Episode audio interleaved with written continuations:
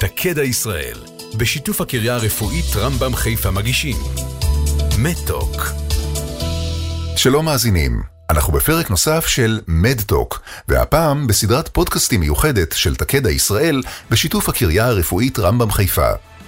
בסדרה הזו מתארחים מיטב המומחים בתחומים שונים. הפרקים הוקלטו באולפני ביזי ובשיתוף אדיו, המשווקת את הפרסום בספוטיפיי, ברדיו הדיגיטלי ובפודקאסטים. והפעם אנחנו מארחים באולפן את דוקטור טובה הרשקוביץ לשיחה בנושא מחלות נדירות. האזנה נעימה.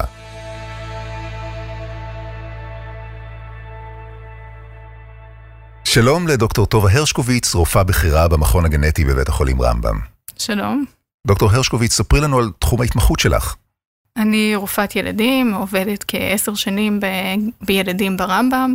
Uh, בנוסף עשיתי תת התמחות בגנטיקה, מתעסקת כבר חמש שנים uh, בערך בגנטיקה, ובתקופה האחרונה גם מתעסקת במחלות נדירות כמו גושה ומחלות נוספות. כן, מחלות שמיד נדבר עליהן.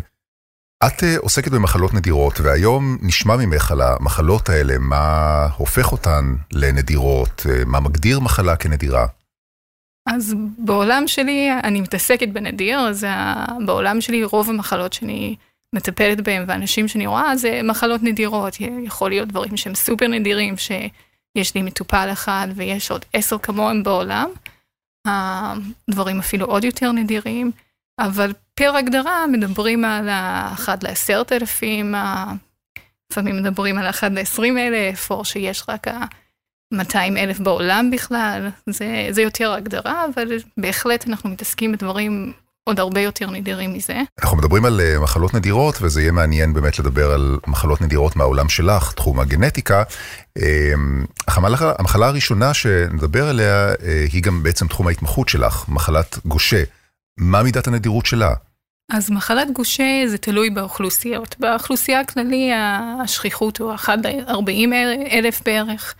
אבל יש אוכלוסיות שיש שכיחות מוגברת, כמו היהודים האשכנזים. אצלם השכיחות יכול להגיע לאחד של 850, ולכן זה אולי לא כל כך נדיר, המחלה הזאת. אה, מה בעצם גורם למחלה הזאת? אז גושה הוא סוג של מחלת הגירה, זאת אומרת, יש כל מיני חומרים שהם צריכים להתפרק בתוך התא, והם לא מתפרקים כי יש חסר של אנזים. אז החומר הזה הוא מצטבר בתוך התא, והוא מצטבר בחלק מהתאים, אה, בתאים מיוחדים, ואז אנחנו באמת רואים את התאים האלו עם החומר בפנים, אפשר לראות אותם במיקרוסקופ, יש להם מראה מאוד אופייני, אמ, והתחלואה, הוא מתבסס על זה שהוא שוקע בכל מיני מקומות יש, בגוף. יש סוגים שונים של מחלת גושה? אה, אז גושה מתחלק לשלוש סוגים. יש את ה type 1 שהוא הכי שכיח, הוא הקלאסי, הוא הקל יותר. יש type 2, סוג שני, שהוא הרבה יותר חמור, עם תמותה ותחלואה מגילאים צעירים, אפשר אפילו לראות דברים כבר ברחם. הילדים האלו בעצם מתים בגיל שנתיים לרוב. ואז, ואז יש את ה type 3, הסוג 3, הוא מין משהו בין לבין, שיש גם מעורבות של המוח וגם יכולים להיות ההידרדרות קוגנטיבית, זאת אומרת ליקוי שכלי וירידה עם הזמן ופרכוסים. בנוסף לדברים שיש גם בטייפ 1. אז ניכנס עכשיו קצת יותר לעומק לתסמינים של המחלה. אז התסמינים הקלאסיים הם בעצם אנמיה וירידה בתעשיות בדם, תעשיות הם גם קשורים לקרישה, וכבד וטחון מוקדם ומוגדל ומחלת עצם. עכשיו, התסמינים נובעים מכך שיש הצטברות של החומר הזה במח עצם, אז יש ירידה בסבירות דם, שזה האנמיה וה, והתשישות.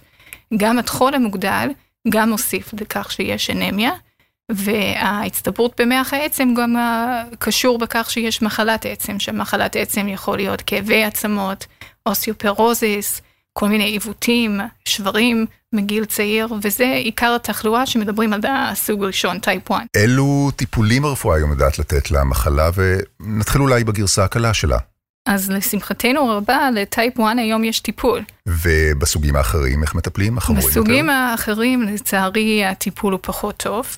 אה, ב type 2 בעצם לא מטפלים, עוזרים לתינוק משהו שנקרא פליאטיבית.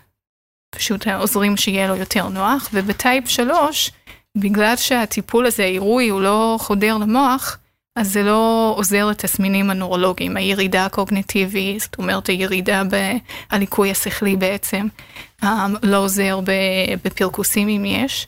כן עוזר בתסמינים הנוספים של העצם וה, והירידה בספירות שיש גם בטייפ 1. מה עוד כדאי שנדע על המחלה הזאת? יש לה למשל אה, מחלות לוואי? אמ, אז אה, אנחנו יודעים היום שבחולי גושה יש הנטייה המוגברת לחלות בפרקינסון. הם חולים גם בגיל צעיר יותר וגם בשכיחות מוגברת. גם נשאים לגושה שהם לא חולים, יש להם גם כנראה נטייה מוגברת לחלות בפרקינסון. אמ, אנחנו לא כל כך אה, מבינים עד הסוף את המנגנון למה זה קורה. ואין לנו טיפול טוב כרגע להציע. אבל זה בהחלט תופעת הנוספת שיש לחולי גושה. אנחנו uh, עוסקים בתסמינים של מחלת הגושה, באיזה גיל כדאי לתת uh, משקל יתר לסימנים הראשונים? עכשיו, גושה היא מחלה מעניינת כי הוא יכול להתגלות בכל הגילאים. בין אם זה ילדים מאוד צעירים, בין אם זה מבוגרים, בין אם זה, יש מטופלים שמתגלה אצלם בגיל 80.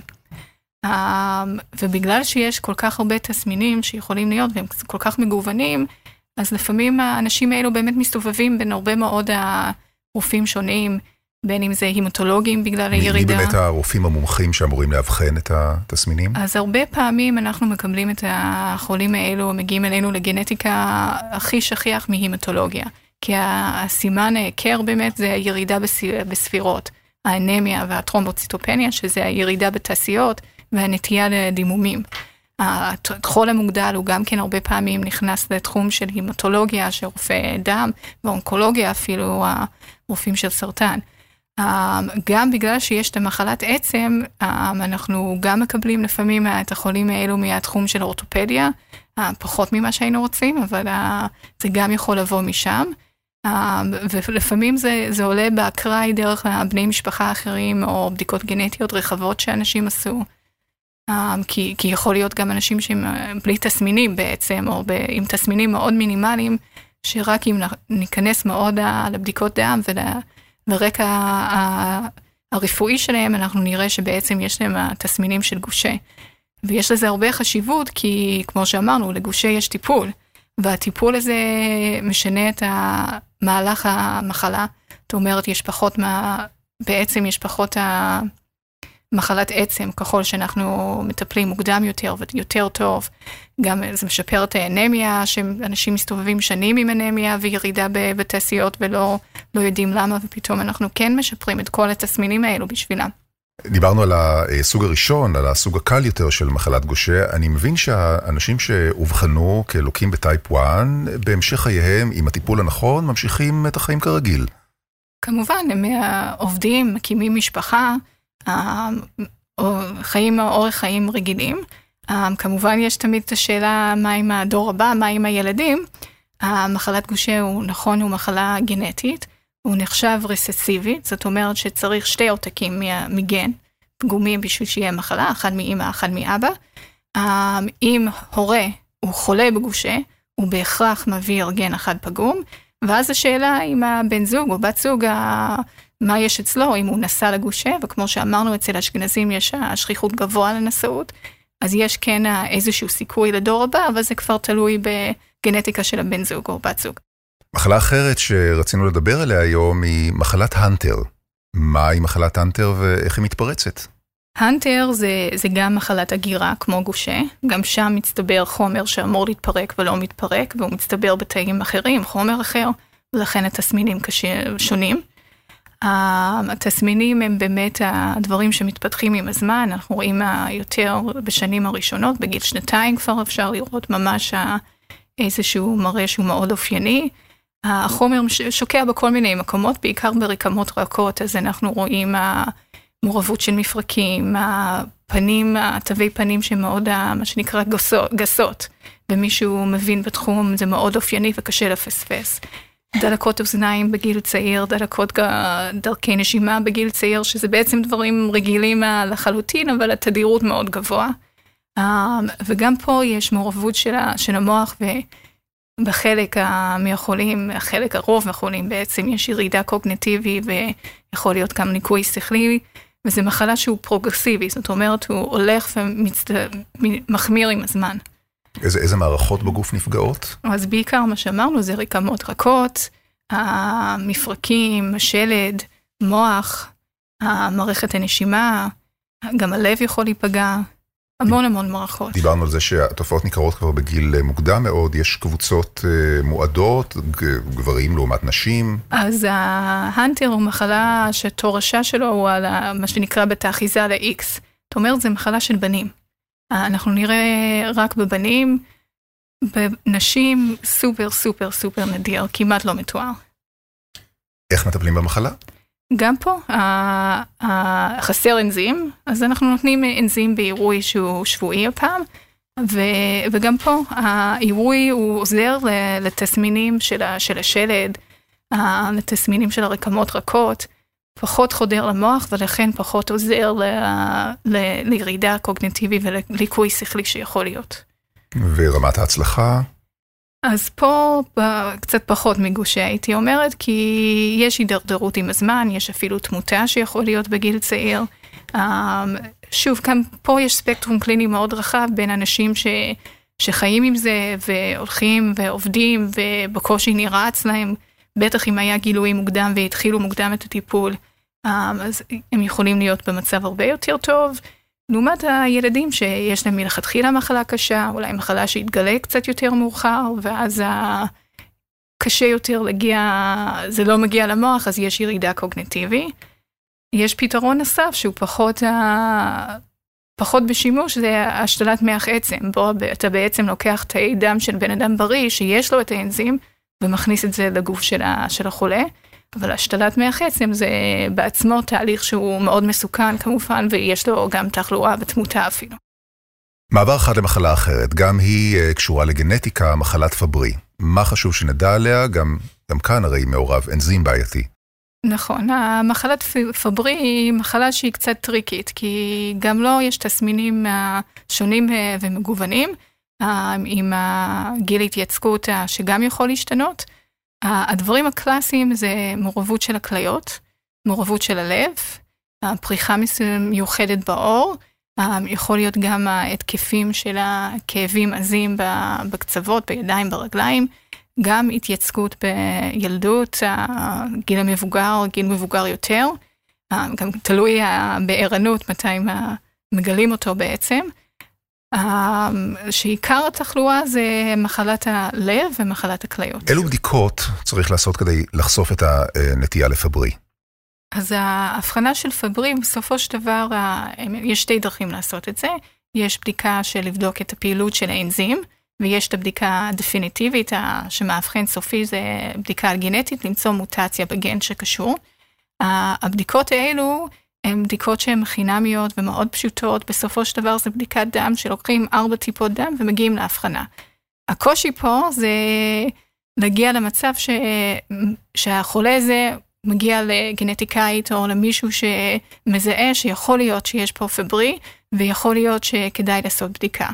וזה נכון בעצם לשלושת המחלות האלו, גם לגושה, גם להאנטר, גם לפברי וגם עוד מחלות הגירה שלא דיברנו עליהן, שבעצם הקושי פה זה לחבר את כל התסמינים שהם מגוונים, אם אנחנו מדברים על פברי, מחלת לב ומחלת כליות זה, זה משהו שיש בהרבה אנשים. אם אנחנו מדברים על האנטר, דלקות אוזניים החוזרות וקומה נמוכה, זה לא משהו שהוא לא שכיח. הקושי פה זה להגיע למצב שחושבים על זה, שזה אולי זה זה, ומפנים את האנשים האלו לגנטיקאי או לרופא שחושב על זה ועושה את הבדיקה, הבדיקת דם הפשוטה. מטופל עשוי להגיע לרשימה ארוכה של מומחים, שלא בהכרח מביאים אותו אל הגנטיקאי, שהוא זה שבעצם אמור לזהות את ה... בהחלט, נכון לגבי המחלות האלו ונכון לגבי הרבה מאוד מחלות נדירות גנטיות. מי האוכלוסיות שמועדות אה, ללקות במחלה? מי נפגע יותר? ילדים, נשים, גברים? אז אה, כמו הנטר זה מחלה שהוא עובר על הכרומוזום X, אז זו מחלה שפה הוא בעיקר של הזכרים, אבל אנחנו כן יודעים שחלק מהנשים שהן בעצם נשאיות, אה, יש להן גם תסמינים. גם כאן התסמינים הראשונים ניכרים בגיל ילדות? יכול להיות גם בגיל ילדות, אבל יכול להיות בכל הגילאים. עד כמה גילוי מוקדם הוא קריטי? אז פה הגילוי מוקדם הוא גם קריטי, כי בעצם אם אתה מגלה מוקדם, מטפל מוקדם, אתה יכול לשפר או למנוע את המעורבות של המערכות שציינתי, וכמובן אם אתה מונע מעורבות של כליות והידרדרות לאי ספיקת כליות, זה משפר את ה, גם את החיים ומוריד תמותה. וכנ"ל אם אתה יכול למנוע או לשפר את התפקוד הלבבי בגיל צעיר, אתה מונע תמותה. היום מאוד אה, מקובלות אה, בדיקות גנטיות כמובן לפני כניסה להיריון, והן אה, מאוד שכיחות. המחלות שדיברנו עליהן, עד כמה בדיקות הסקר רלוונטיות לגביהן, עד כמה בדיקות סקר יכולות לחשוף נטייה מוקדמת למחלה? אז הבדיקות סקר שאנחנו עושים לנשים בהיריון היום, הן לא כוללות את המחלות האלו. ההגדרה של בדיקות סקר שהן מומלצות על ידי האיגוד הגנטיקאים זה מחלות שהן נדירות אבל יחסית שכיחות, הנשאות של 1 ל-60, המחלות שהן קשות כמובן, כמו אלו, ומחלות שיש מוטציות ידועות באוכלוסיות מסוימות, שאנחנו יודעים מה אנחנו מחפשים. אז בהאנטר בפברי זה, זה לא מספיק שכיח, א', וב', לאוכלוסיות השונות ולמשפחות השונות יש מוטציות שונות, אז אין לי דרך לחפש, אין לי דרך לעשות בדיקת סקר שהוא נכון לכל האוכלוסייה. עכשיו, בעניין של גושה, אמרנו שהוא יחסית שכיח, ושיש מוטציות האשכנזיות. אבל, אז לכן אולי זה כן עונה על הבדיקת סקר, אבל מצד שני, המוטציה האשכנזי, כמו שאמרנו, יכול לגרום למחלה מאוד מאוד קלה. המחלה אפילו שמתגלה בגיל מאוד מבוגר, או לרוב בעצם זה ככה. ואז אין בהכרח הצדקה להפסיק את ההיריון. נכון. דיברנו על החשיבות של גילוי מוקדם בהקשר של מחלות נדירות, ואני חושב על ההורים שמאזינים לנו. אה, כשלילד יש תסמינים שונים, והוא מגיע לרופאים מומחים שונים, ופעם מדובר בדלקת אוזניים, פעם מדובר בכאב במקום אחר, ואין איזושהי הבחנה מדויקת, חותכת, חד משמעית, מתי הנקודה שבה צריך לחשוב על בירור גנטי כאפשרות למחלה נדירה? Um, זו שאלה קשה. אני חושבת שקודם כל צריך שיהיה מודעות לזה, גם למשפחה וגם לרופא המטפל. וצריך להיות שיחה אולי יחד עם הרופא המטפל ו- ולנהל דיון שהאם יש פה יותר מדי דברים, הדברים הם קיצוניים מדי, לא שגרתיים, ואם זה נראה ככה אז בהחלט צריך לחשוב ולפנות לגנטיקה.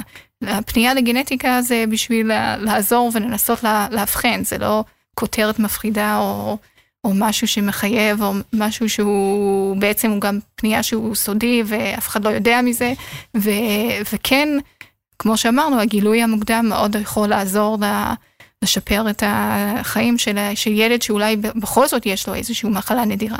לסיום, כמה מילים על גנטיקה בכלל ועל החשיבות שלה כאמצעי לריפוי מוקדם ושיפור אמצעי הריפוי, אבל את יודעת מה, אולי קודם, איך את הגעת לתחום הזה? אז אני, אני קודם כל רופאת ילדים, זו ההתמחות הראשית, הראשית שלי, ורפואת ילדים, כי זה הרפואה הכי יפה, ילדים זה... אני מאוד אוהבת ילדים, אני אוהבת לעבוד עם ילדים, פחות אוהבת שהם חולים, אבל אוהבת לעזור להם. וגנטיקה מתחבר באופן ישיר לילדים, כי בעצם הרבה מאוד מהמחלות הגנטיות הן מחלות מולדות, אז אנחנו רואים אותן כבר אצל ילדים. וגם כל השנים של התסכול הזה, שאתה רואה שההורים באמת מנסים להבין מה יש, ובסופו של דבר אפשר לפתור את זה בבדיקת גנטית וכן להגיד להם מה זה, יש בזה הרבה סיפוק. גם גנטיקה, כמו שאמרתי, הוא מתפרס על כל תחומי הרפואה והוא מעניין ומתפתח כל הזמן, משתנה כל הזמן, אז זה בהחלט נראה לי, זה כולל את כל הרפואה כולו בהכל, אז לכן הלכתי לכיוון הזה. וקופות החולים פתוחות היום לדרישה לבדיקות גנטיות? יותר ויותר אפשר לקבל התחייבויות לבדיקות גנטיות רחבות מאוד מהקופה, ויש גם פרויקטים של משרד הבריאות לבדיקות גנטיות מאוד רחבות uh, במקרים מיוחדים. דוקטור טובה הרשקוביץ, רופאה בכירה במכון הגנטי בבית החולים רמב"ם, תודה לך על השיחה. תודה.